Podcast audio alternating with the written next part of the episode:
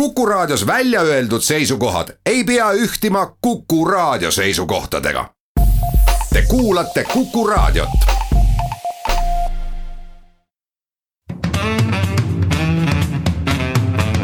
muuli ja Riikoja tere päevast, head kuulajad, kell on üksteist läbi, et on reedene päev, siis loomulikult ka saate Muuli ja Riikoja ehk ehk stuudios on Kalle Muuli ja Hindrek Riikoja. tere päevast. alustame tänast äh, saadet äh, haridus- või teadusrahastuse teemadega. Tallinna Tehnikaülikoolis on puhkenud skandaal, kus avalikuks on tulnud see, kuidas Euroopa teadusrahasid on väärkasutatud, on makstud äh, nende eest palka inimestele, kes nii-öelda raha saanud projektidega üldse seotud ei ole ja Tehnikaülikooli rektori Jaak Aaviksoo käitumine on sattunud väga suure küsimärgi alla. teiseks äh, meenutame kolmekümne aasta möödumist äh, Balti ketist. ja vast räägime paari põgusa sõnaga ka muudest äh, tähtsatest ajaloosündmustest, millest samuti ümmargune tähtpäev saab täis täna.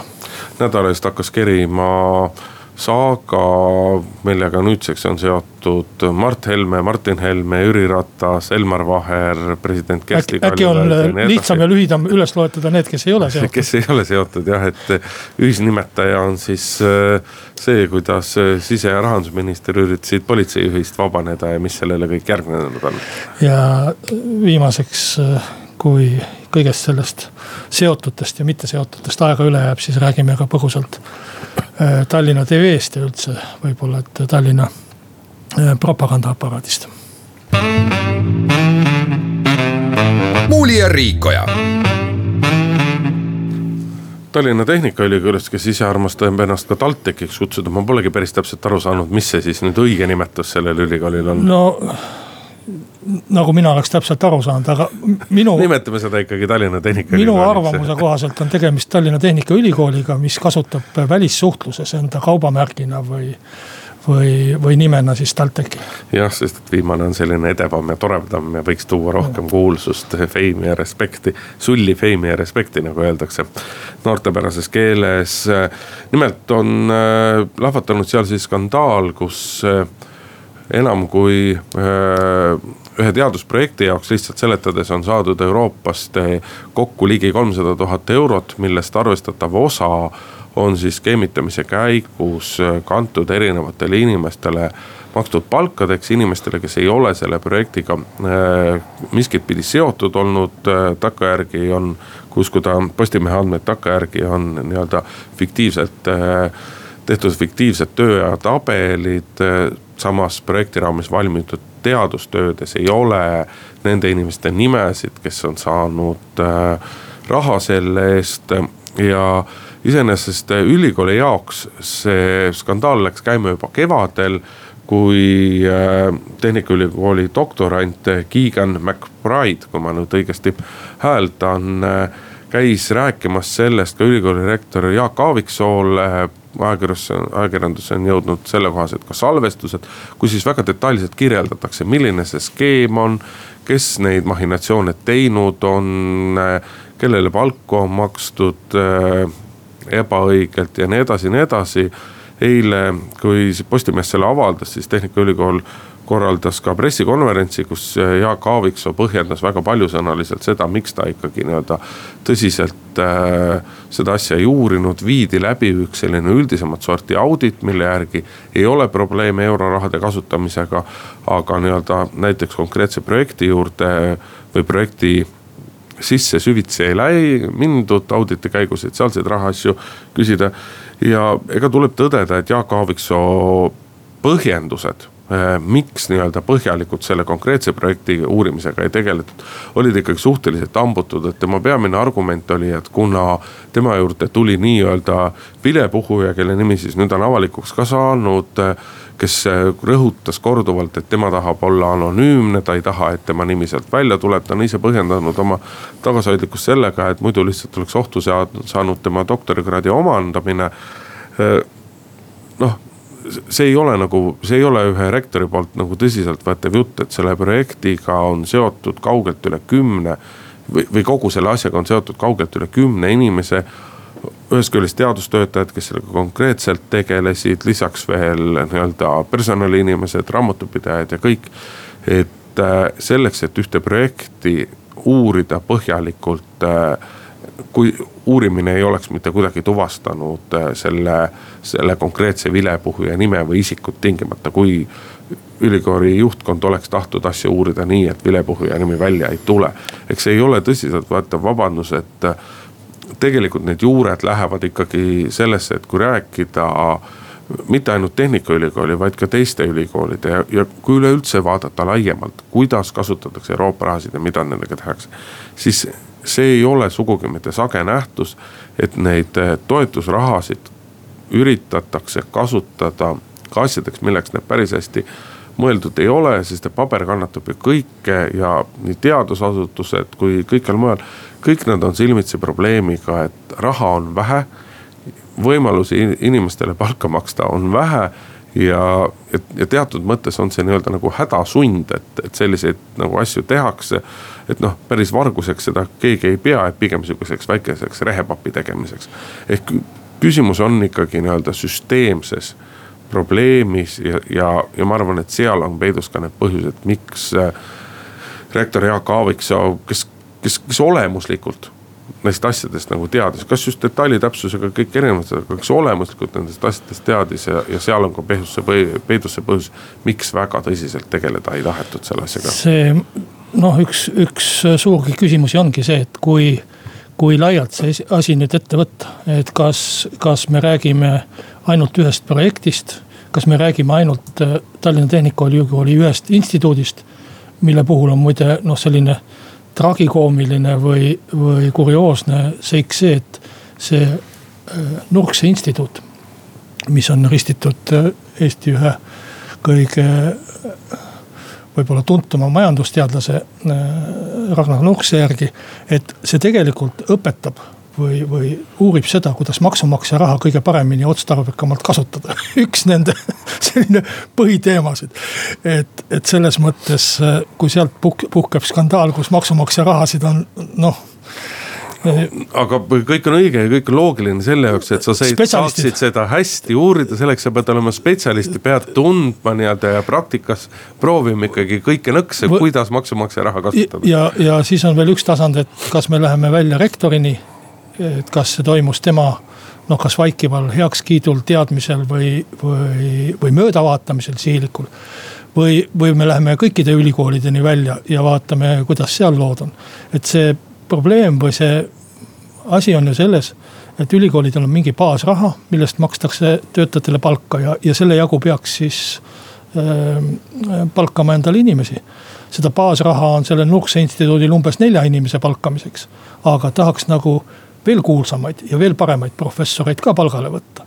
ja siis äh, võetakse inimesed palgale, aga palka hakatakse organiseerima siis neile mingite projektidega, projekt on ühekordne asi. homme lõpeb ta ära, sa pead uue projekti hankima, kas sul õnnestub see hankida. kas sul õnnestub ta sellisele hankida, et sa saad just sellele või nendele juurde palgatud professoritele maksta. et sealt hakkab see nagu tüvi pihta. ja mulle tundub kogu seda skeemi vaadates ja ka Aaviksoo käitumist vaadates ja ka teiste Äh, äh, professorite äh, ja doktorantide ja kõikide inimeste käitumist vaadates. et see on selline üldiselt aktsepteeritud skeem, kuidas inimestele palka maksta. et ma ei tea, põhimõtteliselt võiks ju sel juhul Tall terve Tallinna Ülikooli vangi panna, noh ma natuke liialdan, aga, aga piltlikuna. isegi kui ma hakkan ette kujutama sellist paragrahvi nagu kuritegelik ühendus Äh, karistusseadustikust. et äärepealt mahub terve ülikool selle alla, sellepärast et kuritegelik ühendus on, on selline organisatsioon, kus kõikidel liikmetel on oma struktuuris kindel koht ja mis teadlikult ja sihilikult tegeleb äh, mingite kuritegude toimepanemine Ant.... sina oled mõned talved juurat õppinud, mina ei ole, nii et sa tead seda selles mõttes paremini minust jah. antud juhul äh, siis äh, Euroopa rahade väljakantimisega mitte sihtotstarbeliselt või mitte õigeks otstarbeks, et. et, et kuidas me seda vaatame või, või vaatame seda niiviisi, et tänu nendele rahadele, tänu sellele skeemile on saanud e-, Eesti teadus äh, areneda, on Eesti professorid palka saanud ja, ja muidu meil ei oleks üldse mingit teadust, et äh, mulle jääb nüüd natuke segaseks, et kas sa, kas, kas sa, kas sa pead seda objektiivseks paratamatuseks, et see nii on läinud või, või, või sa lausa nagu õigustad seda praegu?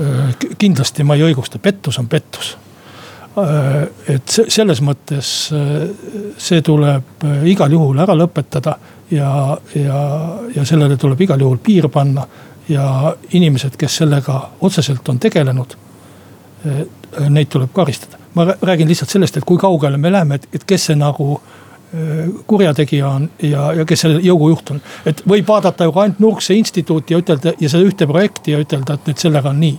ja, ja seal see asi ära lõpetada no,. aga, aga minu meelest nagu tuleb ikkagi süsteemi tervikuna ümber kujundada selle kohta öeldakse muidugi, et siis meie teadus kukub kokku, siis me peame pooled inimesed lahti laskma ja teadust üldse teha ei saa, kui selle baasrahaga piirdume ainult palkamisele. ja projekti teeme siis lihtsalt boonusena juurde, et siis saab, ma ei tea, preemiat maksta või õppejõud saavad siis suuremat raha Ja, aga, aga siin tulebki mängu see teaduse rahastamise küsimus, mis alles hiljaaegu oli nii tugevalt üle, et seda baasraha peab suurendama. et või siis saama juurde Eesti raha, mis ei ole seotud selliste noh, äh, nii rangete tingimustega nagu Euroopa raha on seotud. no teadus, teadustegevus Eestis kindlasti kokku ei kuku, kui selline praktika ära lõpetada.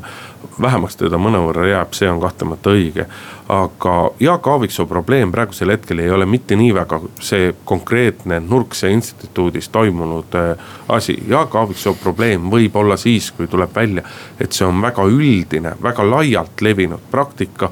mida kasutatakse väga erinevates instituutides, ülikooli struktuuriüksustes ja nii edasi ja nii edasi ja rektor on seda kõike teadnud. see on sellisel juhul Jaak Aaviksoo probleem, aga praegusel hetkel on see Jaak Aaviksoo probleem eelkõige seetõttu, et Jaak Aaviksoo on äh, kui mitte valetanud, siis äh, tõde väga loo-, tõega väga loominguliselt avalikkuse ees ümber käinud. Äh, ja, ja see on antud juhul see probleem, sest et kui me vaatame neid kui me vaatame neid salvestusi, mis on või kuulame neid salvestusi, mis on avaldatud, no omaette küsimus on jah muidugi, et kas selliste salvestuste tegemine on, on seaduslik, seda ma ei tea, sina õigust paremini tundva inimesena oskad sellele küsimusele vastata, aga selge. midagi see... kriminaalset seal kindlasti ei ole, et iseenda vestluste lindistamine, viisakas oleks ütelda teistele, aga, aga vangi panna selle eest ei saa, kui sa seda teed, et Edgar Savisaar tegi seda aastal üheksakümmend viis palju ja korduvalt ja, ja. Vilja, Vilja Savisaar ju minu arust ütles, et tema tegi nojah, eks nad vaidlevad selle üle võib-olla siiani, aga, aga, aga äh, kriminaalasja sellest, see sündis kriminaalasi, aga see kuhugi ei jõudnud, sellepärast et juba tol ajal olid seadused sellised, et ei, ei võimaldanud midagi ette võtta ehk äh, tegelikult Jaak, Aaviksoo on praegu selle skandaali valguses äh, väga põhjust väga põhjalikult mõelda, et kas tast oleks korrektne vähemasti tagamise, tagasiastumise avaldus esitada ja probleemiks just nimelt see, et et ta on, ma julgen väita ikkagi, tegemist on targa, intelligentse inimesega, ma ei usu, et ta on selle vestluse ära unustanud, ta ei mäleta, mida seal räägiti ja nii edasi. aga ta avalikkust on ikkagi väga selgelt eksitanud, ta on väga selgelt hämanud ja noh, Postimees ju oma pealkirjas julgeb väga selgelt öelda ka, et, et Jaak Aaviksoo, rektor valetas ajakirjanikele korduvalt ja see on nagu väga suur probleem sellise asja puhul ja, ja see on see, mis antud juhul no, tal, tal on, tal on äh, teine probleem veel, et äh, ja mis on rektori probleem. sul on auditiosakond, sul on kontrollijad ja kui need ei suuda aastate pikkust öö, öö, pettust avastada, siis sa oled väga kehvasti üles ehitanud selle auditi osakonna. Ja, ja kui nad ei suuda isegi vihjete peale avastada, et, et siis, siis su. no ma auditi osakonda ei julge selles mõttes süüdistada, et tea, kas kõik vihjed said neile edasi antud, aga me peame siinkohal tegema pausi, kuulame ära pool tunni, vabandust, kuulame väikse reklaami ära ja siis lähme saatega edasi. muuli ja Riikoja jätkame saadet, äh, täna tähistab äh, terve Baltikum ja võib-olla kaugemalgi kolmekümne aasta möödumist Balti ketist. ligi kaks miljonit inimest, kuussada seitsekümmend viis kilomeetrit Toompealt Gedimiinase tornini Vilniuses. kell seitse õhtul võtsid kõik need kaks miljonit inimest, kujutage ette, käest kinni ja ütlesid siis raadiokutsungi peale vabadus. et tavaliselt on sellistel puhkudel alati kombeks meenutada, et kus keegi seisis ja kes, kes, kes mida tegi. aga noh, ma arvan, et selle, selle sündmuse tähendus on ikkagi noh, palju laiem kui ainult ütleme mingisuguse kolme Balti riigi. aga kus sa seisid? Mina seisin Tallinnas Tõnismäel Äh, tollase valveapteegi vastas ja praegugi on minu meelest seal apteek olemas. ma olen vaadanud piltide pealt ja selle, seda kohta on pildistatud ka, aga piltide peal mind ei ole, ma ei ole leidnud sellist pilti, et ju. Ju siis, äh, ju siis ma varjasin ennast kellegi taga või, või, või kuidagi oli, aga nii et ma olin üsna keti alguses. võiks isegi ütelda, et peaaegu et minust see kett algas mina, mina olin ka kuskil, ma, ma mäletan kuskil ma olin, aga kui ma olin alles laps, siis ema töökollektiiviga Teaduste Akadeemia Eksperimentaalbioloogia Instituudi töökollektiiviga kuhugi meid veeti. ma mäletan, et mul oli see, see käest kinnivõtmise hetk oli mul kuidagi natuke nagu piinlik, samamoodi nagu need nii-öelda rahvuslike laelupjamisliigutuste tegemine oli mulle alati kuidagi nagu natukene nagu piinlik. aga ketis ma olin seda jah, ma tean, aga vot kus kohas seda ei mäleta. et äh, tol hetkel ma ei tajunud selle keti ajaloolisust, neid miitinguid ja meeleavaldusi oli nii palju ja ka suuri oli väga palju ja ta oli lihtsalt üks neist, aga kui ma nüüd tagantjärgi vaatan, siis sellel oli ikkagi ka väga suur rahvusvaheline tähendus. Venemaa vihastas selle peale väga kõvasti, tegi väga räigeid avaldusi ja samal ajal see Balti kett tõstis Balti riigid, mis olid tolleks ajaks nagu oma vabadusvõitlusega natukene ära vajunud. tõstis uuesti maailmapoliitika keskmesse ja äh, sügisel, detsembris oli Maltal Bushi ja Gorbatšovi kohtumine. kus ma arvan, et tänu sellele ketile võeti see teema uuesti päevakorda ja Bush sai Gorbatšovilt välja pressida lubaduse, et Balti riikide vastu vägivalda ei kasutata, jõudu ei kasutata, relvi ei kasutata. Gorbatšov hiljem muidugi äh, rikkus seda kokkulepet üheksakümne esimese aasta jaanuaris ja, ja selle tõttu olid Riias ja Vilniuses ka inimohvrid. aga see andis meie vabadusvõitlusele väga suure tähenduse ja mina küll õnnitleks tänase päeva puhul eestlasi, leedukaid ja lätlasi ka veel tagantjärgi. no kõige olulisem on tegelikult äh, üks asi rääkida sellest rahvusvahelisest äh, tähendusest ja kõigest sellest, aga tegelikult veelgi olulisem on meie oma noortele seda asja nagu meenutada ja nende teadvustesse ka viia, et mis asi see taasiseseisvumine oli. mis olid selle nii-öelda olulisemad verstapostid, sest et oleme ausad, need need noored inimesed, kes on sündinud nii-öelda vabas Eestis, ega nende teadmised tegelikult toonaste sündmuste kohta ei ole mitte väga suured, et selles mõttes me peame ka siseriiklikult sellele märksa rohkem tähelepanu pöörama, on see siis ajalootund, on see siis ühiskonnaõpetuse tund, kus iganes, et et meie oma noored ka teaksid, et mis, mis nagu toimus, sest et nende jaoks muidu kõik on nii-öelda nagu. see on iseenesestmõistetav, see kõik on ju alati nii olnud ja no ma olen lugenud ka kooliõpikuid, mis sellest kirjutavad, et noh, see kirjutamine on adekvaatne, aga ega seda ei saagi. tähendust ei tule välja. tähendust ei saagi koolitunnis, äh, koolitunnis ilmselt äh, edasi anda, et see peab, äh, see peab filmide, isiklike mälestuste ja muude kaudu jõudma inimesteni. et seda, seda õhustikku ja seda meeleolu ja seda ajastut on, on ülikeeruline edasi anda, et see on, see on kordumatu ja, ja ma arvan, et kui mul oleks elus võimalus valida veel mõni aasta oma elust, näiteks üks aasta, mida saaks teist korda elada, siis ma arvan, et see oleks kuskil seal kaheksakümne kaheksanda või kaheksakümne üheksanda aasta kandis. et see kõlab küll nii-öelda nagu nõmedalt, aga vaata vabadussõja tähenduses saavad kõik aru, sellepärast et oli sõda, inimesed hukkusid, inimesed võitlesid verehinnaga oma vabaduse eest, aga. oli laulev revolutsioon, kus Eestis ikkagi keegi surma ei saanud ja, ja seetõttu paljudele inimestele see tähendus jääb nagu väiksemaks, aga siinkohal teeme väikese pausi, kuulame ära pooltunni uudised ja läheme siis saatega edasi. muuli ja Riikoja Läheme saatega edasi, stuudios jätkuvad Kalle Muuli, Indrek Riik ja eile toimus siis, äh, võiks isegi öelda, et ajalooline kohtumine, eile hommikul said omavahel kokku siseminister Mart Helme ja politsei piirivalveameti juht Martin Helme. see kõlab küll nüüd fantastiliselt, ülemus ja alluv said lõpuks ometi kokku, eks. nojah, aga vaata, see on, et noh, et peaaegu neli kuud on valitsus ametis olnud ja sellist nii-öelda silmast silma kohtumisi on olnud üks või kaks. ja need ei ole mitte nii-öelda neid ei ole nii vähe olnud mitte sellepärast, et Elmar Vaher ei taha kuidagi siseministeeriumisse minna tuldi pooletunniselt koosolekult välja ja nagu Mart Helme kinnitas, siis suruti sõbralikult kätt, erimeelsused unustati. ma küll ei saa muidugi päris täpselt aru, et mis erimeelsustest selles mõttes nagu jutt on. Mart Helme ütles ka, et noh, et mõlemad pooled peavad järgi andma. et kui ma kogu seda skandaali vaatan, siis, siis Elmar Vaher on teinud kogu aeg seda, milles on siseministeeriumi erinevatel koosolekutel kokku lepitud ja Mart Helme koos pojaga, koos poja Martin Helmega on kogu aeg lakkamatult süüdistanud lakkamatult rääkinud asju, siis on tulnud jälle avaldatud dokumente, mis on need jutud ümber lükatud. ja kogu selle skandaali juures mind kõige rohkem ikkagi nagu hämmastab see, et, et see lakkamatu ja lõppematu valetamine, mis käib.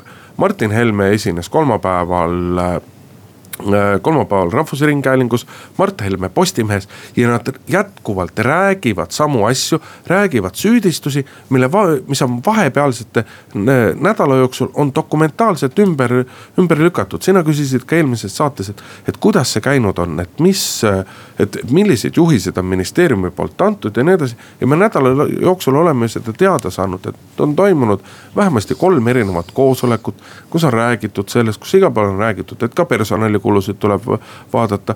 kus on räägitud, on protokollitud, et siseministeerium usaldab kärbete tegemisel oma allasutusi ja siseministeerium jätab selleteemalise kommunikatsiooni oma allasutustele. ja jätkuvalt räägivad mõlemad Helmed sellest, kuidas Elmar Vaher ei oleks tohtinud nendest asjadest rääkida. ma, ma arvan, et me ei peaks nagu selle sisu sisse enam minema, see sisu on ära klaaritud, aga, aga. ei no ära aga, klaaritud aga, ei ole siin ikkagi selles et, mõttes ei ole siin midagi. Indrek, Indrek, ma, ma saan aru küll, milles seal etteheide on, etteheide on see ja dokumentidest tuleb ka see välja, et äh, allasutustel paluti äh, teha kärpeplaanid. kärpeplaanid tuli esitada ministeeriumile aga üks allasutus otsustas need esitada siseveebis äh, ja mitte ministeerium, enne, enne veel kui ministrini see jõudis ja enne kui minister oli mingi otsuse langetanud. et see on seal probleem ja kui sa paned tähele, siis millegipärast on nii, et ainuke asutus Eestis ma ei räägi isegi siseministeeriumi alluvusest, vaid terves kõikides riigisüsteemides, kus peab massiliselt inimesi kärpima ju, juhi arvates ehk Elmar Vaheri arvates, on millegipärast Politsei- ja Piirivalveamet. no see, see no tegelikult see siiski ma, ma päris, sugugi... tegelikult see siiski nüüd päris nii ei ma, ole. ma ei taha sugugi. aga ütle... ma saan aru, et ka sinu enda koduerakond nii-öelda ei, väga kõva häälega ei protesti selle vastu, et Elmar Vaher tuleks ametist maha võtta. et äh, selge see, et äh, Martin Helme käitus ebaadekvaatselt, käitus, noh, ma ei oska täpset sõna nimetada. minu meelest oli see kogu see vallandamise jant oli selline absurdne ja halenaljakas et see on. no see oli ikkagi eelkõige piinlik, et kaks ka... ministrit a... ei tea, kuidas sellist asja teha. ja lihtsalt lähevad nagu kirvega kurge püüda, mis nad arvavad, et nende vastu sidub rumal inimene, kes iga aga, nende piuksu peale ära. aga sellest me kõik rääkisime, Indrek, juba eelmine kord, et tegelikult noh, mina ütleks nagu uute sündmuste kohta niiviisi naljaga pooleks, et ilmselt hakkab Jüri Ratas natuke vanaks jääma. sest äh, eelmise äh, suure konflikti klaarimiseks kulus tal valitsuses ainult pool ööpäeva, nüüd tal kulus terve ööpäev. et kui vaadata, kes selles skandaalis saavutas oma eesmärgi, siis tegelikult Jüri Ratas oli see, kes sai täpselt oma tahtmise. et et äh, kõik te, kõikidel teistel jäi see oma tahtmine saavutamata. Helmed tahtsid vahet va,, vallandada Vaherit, ei saanud äh, president tahtis avaldada umbusaldust rahandusministrile, ei saanud. Äh, Jüri Ratas tahtis seda, et Elmar Vaher jääks ametisse ja et tema valitsus jääks kokku. ja täpselt seda ta tegelikult sai ja ma arvan, et. vaata, see on lähenemise. ma arvan, et ma olen näinud palju peaministreid aga, ja, ja kindlasti on Jüri Ratasel väga palju puudusi. aga tema konflikti lahendamise oskus on tõesti noh, märkimisväärne, minu meelest nagu parimad, parim, mis nagu seni peaministritel on. see, see, see, kuidas ta suudab pooled laua taha panna ja, ja ütelda, et vene keeles davайте žit truzna, see tuleb tal ikkagi suurepäraselt välja ja me näeme, kolmapäeva hommikul lähevad ja Mart Helme ja Elmar Vaher, kellest keegi ei oleks uskunud, vabandust jah, neljapäeva hommikul.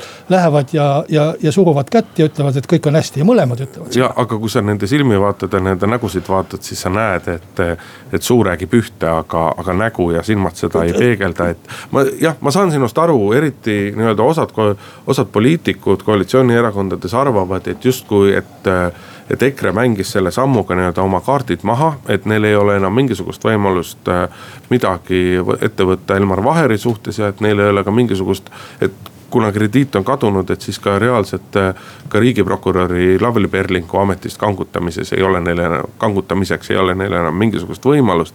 samamoodi tõsine on ka neid, kes usuvad, et, et ega siis nii-öelda urgitsemine ja surkimine Elmar Vaheri kallale ei äh,, ei kao kuhugile ära Elmar Vaheril on kahtlemata, tal on omad patud hingel. Neid sihukeseid väikseid pisemaid asju on ju olnud küll. kas nende pärast peab ametist tagasi astuma, seda ma ei usu, eks ole, aga kindlasti mõtlema nende peale peab, aga.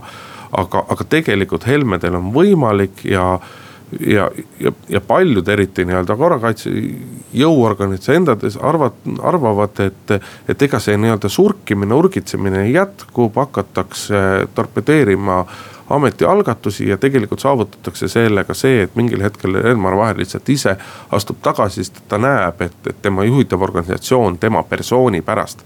küll põhjendamatult, aga ikkagi tema persooni pärast kannatab, et selles mõttes ma tahaks loota, et see asi on läbi, aga ma ei julge öelda, et see asi läbi on, aga mida sina president Kersti Kaljulaidi väljaütlemisest arvad, kes ütles, et sellisel ministril nagu Martin Helme, kes läheb teaduslik, kes läheb teadlikult Äh, seadusevastaselt käituma ei ole ministrina kohta.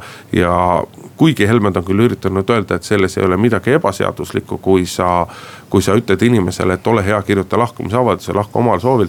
siis tööinspektsioon on juba jõudnud öelda, et ka see siiski ei ole seaduslik tegevus. ma võib-olla enne ütlen veel natukene selle Elmar Vaheri ja Helme saatuse kohta natukene, et ühe asja, mida ei ole siiamaani räägitud. sellise Äh, positsiooniga äh, ja, ja julgeolekuga seotud inimest nagu Elmar Vaher või politseiameti peadirektor siis võiks ütelda. ei vallandata tänavale, isegi kui Martin Helmel oleks seaduslik õigus selleks olnud. ja kõik oleks korrektne olnud. politseiameti peadirektorit ei vallandata tänavale, tema vallandatakse kõrvale või üles ja see on riigi julgeoleku seisukohalt tähtis, mitte sellepärast, et Elmar Vaherile pehmet maandumist luua. nii et üks võimalus lisaks sellele, mis sa räägid, et võib-olla kirjutab ise lahkumisavalduse, kui tööd teha ei saa. on tegelikult see, et äh, äkki selgub kuskil kevade poole või suve poole. ma ei ütle, et selline plaan on kuskil olemas ma, ma lihtsalt äh, kujutan ette. et ministeeriumis on vaja kantslerit ei, näiteks ei, või asekantslerit? mitte ministeeriumis või..., sest äh, seda ministeeriumit juhib ka siis Mart Helme. Vaid näiteks Europolis on äkki mõni, mõni koht, kus on vaja Eestit esindada või, või mingisuguses muus organisatsioonis. nii et tegelikult ja see on päris tõsine asi, et me ei taha ju, et sellised inimesed satuksid allilma palgale, et nad satuksid mõne eraettevõtte palgale, keda huvitavad politseitöö detailid. et ta satuks mõne välisriigi palgale isegi Saksa ja, kantsler on läinud välisriigi palgale. Helmed näitasid, et nemad ei oska sellisel tasandil mõelda. ja, ja ma. Nad ei ole riigimehed. ja ma arvan, et Jüri Ratas on selle neile selgeks teinud, vähemalt selles konkreetses küsimuses. aga nüüd Kersti Kaljulaiu juurde tulles. loomulikult on presidendil õigus oma arvamust avaldada tal on kõige kohta õigus oma arvamust avaldada ja kõigil on kõige kohta õigus oma arvamust avaldada vabal maal ja, ja sõna on vaba nagu. nagu see üks, ühele Kersti Kalju, Kaljulaiu bluusile on kirjutatud aga teine küsimus on, et kas see kõik on ilus ja viisakas, mis sa ütled. ja, ja siin olen ma nagu presidendiga eriarvamusel. et äh, kui me ei taha, et poliitikud ütlevad, et kohtuniku pead, kohtunike pead hakkavad veerema. ehk sekkuvad kohtute töösse ja hakkavad hinnanguid andma kohtuotsustele ja kohtunikele. kui me ei taha, et järgmine kord tuleb Jüri Ratas või Mart Helme ja ütleb, et presidendi kantseleist see töötaja, see Tiit Riisalo, seal direktor, see ei sobi üldse oma ametisse. kui me ei taha, et äh, põhiseaduslikud institutsioonid hakkavad sekkuma sellistesse kohtadesse, kus ei ole neile seaduslikku sekkumist ette nähtud.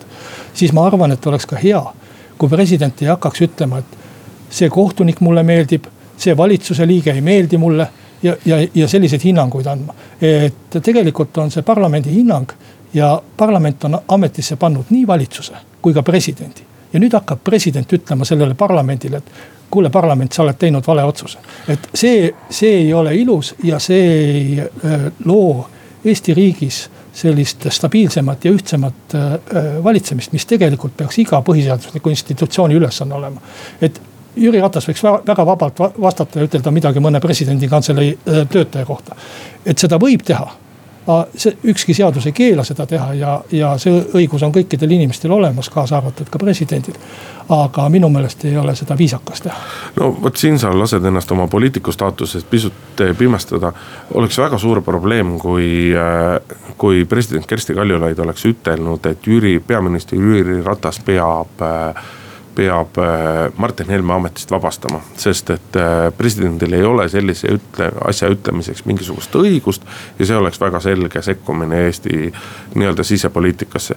president ütles, et tema arvates ei peaks Martin Helme, kui ta üritab äh, teha selliseid ebaseaduslikke otsuseid ei peaks olema minister ja selleks on presidendil täielik õigus sellist asja öelda see on seesama, mida me rääkisime Mati Maasika näite puhul, kas Mati Maasikal oli õigus teha selliseid väljaütlemisi või mitte.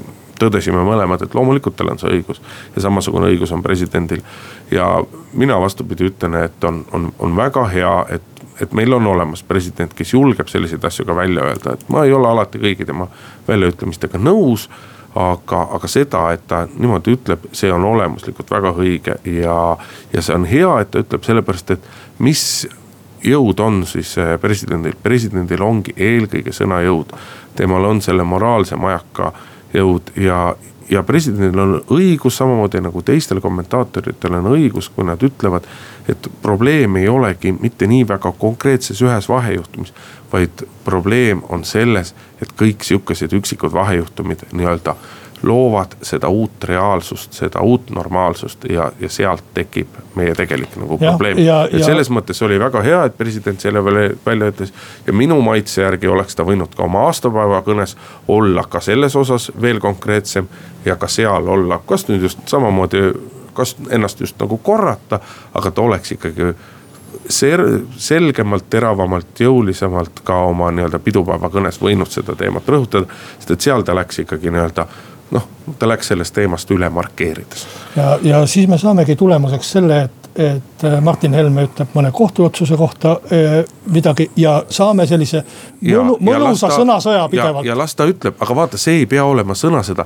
president ei rääkinud sellest, et Martin Helme pea peab lendama. on väga oluline ka, kuidas me väljendame. ta ikka ütles ole. selgelt, et, et ta ei peaks olema äh,. ta ei peaks minister. olema minister ja ei saa ka poliitikutele pahaks panna, kui nad ütlevad, et mõni koht, inimene ei peaks olema kohtunik, aga nad ei pea rääkima peade lendamisest.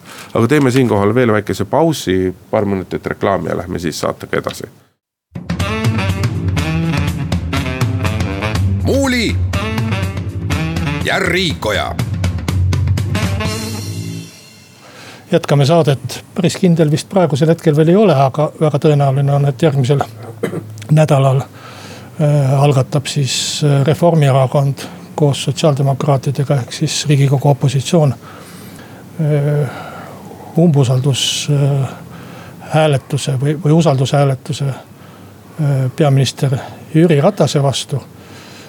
noh, erakorraline istungjärk, hääled selle kokkukutsumiseks on olemas. samas otsustamiseks hääli ei ole, aga ma arvan, et, et see on ka mu oletus praegu, ma ei tea, kas koalitsioon on juba otsuse langetanud või mitte. oleks ilmselt mõistlik kokku tulla ja see asi ära klaarida, sest juhul kui jätta otsustamata, siis tuleb seda sügisel uuesti arutada, siis kui riigikogu kokku tuleb seda um-, usaldushääletust ja nii et ma arvan, et, et see asi tehakse ära, aga kui ma vaatan selle küsimuse püstitust, et Reformierakond läheb umbusaldama peaministrit kes äh, on noh, ilmselgelt üks valitsuse kõige populaarsemaid persoone üldse. Äh, ja täna ilmunud küsitluste kohaselt ka populaarsem kui, peaministrina populaarsem kui Kaja Kallas pea, peaministrikandidaadina. et siis noh, iga inimene, kes natukenegi poliitikast taipab, saab aru, et persoon on valitud vale kui üldse tahta midagi teha, siis oleks pidanud valima emma-kumma Helmetest, ilmselt siis Martini, kuna tema ei olnud puhkusel ja tegutses. et minule jääb sellest, kogu sellest Reformierakonna suvepäevandusest ja sellest otsusest jääb selline mulje et ikkagi seal kuskil on keegi, kes tahab Kaja Kallasele halba ja kes paneb ta sellisesse olukorda, kus ta jälle jääb Jüri Ratasele alla. Jäi kevadel valitsuse moodustamisel ja jäi, jäi siis, kui talle anti peaministri volituse või peaministrikandidaadi äh, volitused ja, ja ülesanne valitsust aga moodustada. on ka teistsugused inimesed ja, Reformierakonnas. ja, ja, ja, ja nüüd tuleb veel üks hääletus ja jälle ta kaotab äh, Jüri Ratasele, et tundub nagu keegi tahaks äh, tahaks äh, just nimelt erakonna sees Kaja Kallasele anda halba nõu. et keegi oleks võinud ju anda nõu, et teeme Martin Helme vastu või, või, või teeme siis, kui riigikogu on korraliselt kokku tulnud ja, ja, ja veame selle skandaali sinnani välja. nüüd võetakse kiiresti teema maha ja, ja kaotajaks jääb äh, Kaja Kallas ise. aga Reformierakonnas on ka teistsugused inimesed, sest et seal on mängitud ka sellise mõttega. ma nüüd lihtsalt nii-öelda kirjeldan seda mõtet, et, et see, et siiamaani on olnud nii-öelda teoreetiliselt tõhus variant, et äh, Reformierakond ja Keskerakond võiksid äh, ikkagi koos valitsuse teha. pärast sellist umbusaldamist noh, ütleme üks pool aastat, aasta on see pehmelt öeldes keeruline, et mitte öelda võimatu. Ja, ja, ja, ja mingid inimesed Reformierakonnas elavad ka või osad inimesed Reformierakonnas elavad ka ja mängivad ka nagu mõttega, et et poliitringkondades on ka teada see, et ega nii-öelda väga palju libastumisi Keskerakond EKRE-le enam ei andesta, et kui ikkagi see jätkub, et nii-öelda omavahelistes vestlustes tõmmatakse kõrvad lonti ja tunnistatakse oma, oma vigu, nagu see näiteks siin Vaheri kaasuse puhul oli, aga avalikult ikkagi lärmatakse, laiatakse ja lahmitakse edasi. ja siis mingil hetkel ikkagi Jüri Ratase kannatus katkeb, valitsus läheb laiali, uut valitsust ka ei teki ja, ja tulevad erakorralised valimised, kus praeguste reitingute järgi on Reformierakonna positsioon ülihea ja Keskerakonna positsioon suhteliselt kasin. selle muidugi selle selle arutluskäigu probleemiks on just nimelt see, et Jüri Ratas ei lase sellisel olukorral juhtuda sellesama Keskerakonna väga kehva reitingu. selle arutluskäigul on kümme kehva kohta. ei, ma olen sinuga nõus, ma lihtsalt räägin, et, et Reformierakonnas on ka osa ei, inimesi, kes niimoodi, on küll.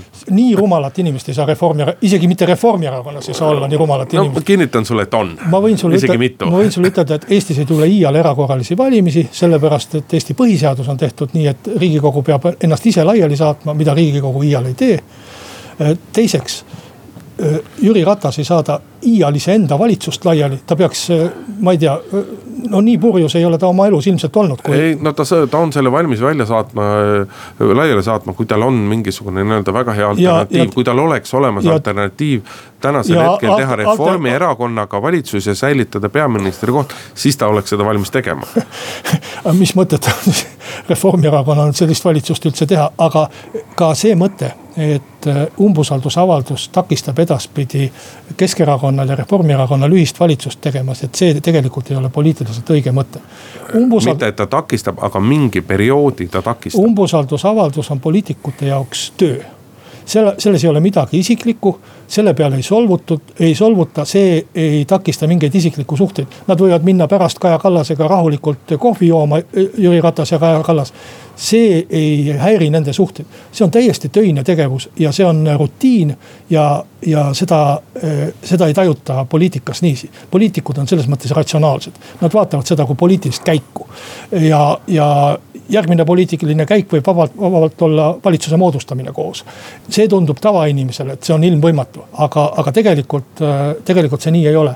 mida, millega ma ei taha ütelda seda, et Keskerakond ja Reformierakond hakkavad valitsust moodustama, aga selline asi ei ole ole takistuseks, et keegi avaldab kellelegi kuskil, teeb mingi hääletuse. kõik saavad aru, et see on äh, rahvale suunatud äh, etendus ja ma arvan, et ka rahvas saab sellest aru. no vaata ma ei tea, kas rahvas saab sellest aru, et me, me nagu eeldame väga paljusid asju, et kuidas noh. me, me eeldame ju ka seda, et, et me saame aru, et EKRE on teinud ennast äh, piltlikult öeldes nii-öelda. EKRE on läbi kukkunud, EKRE on pidanud saba jalgade vahele tõmbama, mis puudutab äh, Elmar Vaherit, aga aga, aga rahvas ei taju ju seda nii, kuigi see nii on, vähemasti EKRE nii-öelda veendunud valijad ei taju seda nii ja EKRE-l on sellest skandaalist hoolimata kaotusest toetuse mõttes pigem võita kui kaotada? no äh, raske ütelda, ma arvan, et see hinnang, mis sa ütlesid, et EKRE on oma positsiooni nõrgendanud ma ei arva, et tal edaspidi ei ole võimalik midagi teha ja, ja küll, küll on igasuguseid asju võimalik teha, aga kindlasti see. ma ei oska ütelda, kuidas see avalikkuses mõjub, aga kindlasti valitsuses see skandaal nõrgendas EKRE positsiooni. et kindlasti ta ei tapnud seda positsiooni täiesti ära, aga, aga mingiks perioodiks ta kindlasti nõrgendas ja selles mõttes ma arvan, et Mart ja Martin Helmel ei, ei ole siin millegi üle väga õnnelik olla praegu. tõmbame siinkohal tänase saate otsad kokku, Kalle Muuli ja Hindrek Riik olid stuudios, nädala aja pärast kuuleme jälle. muuli ja Riikoja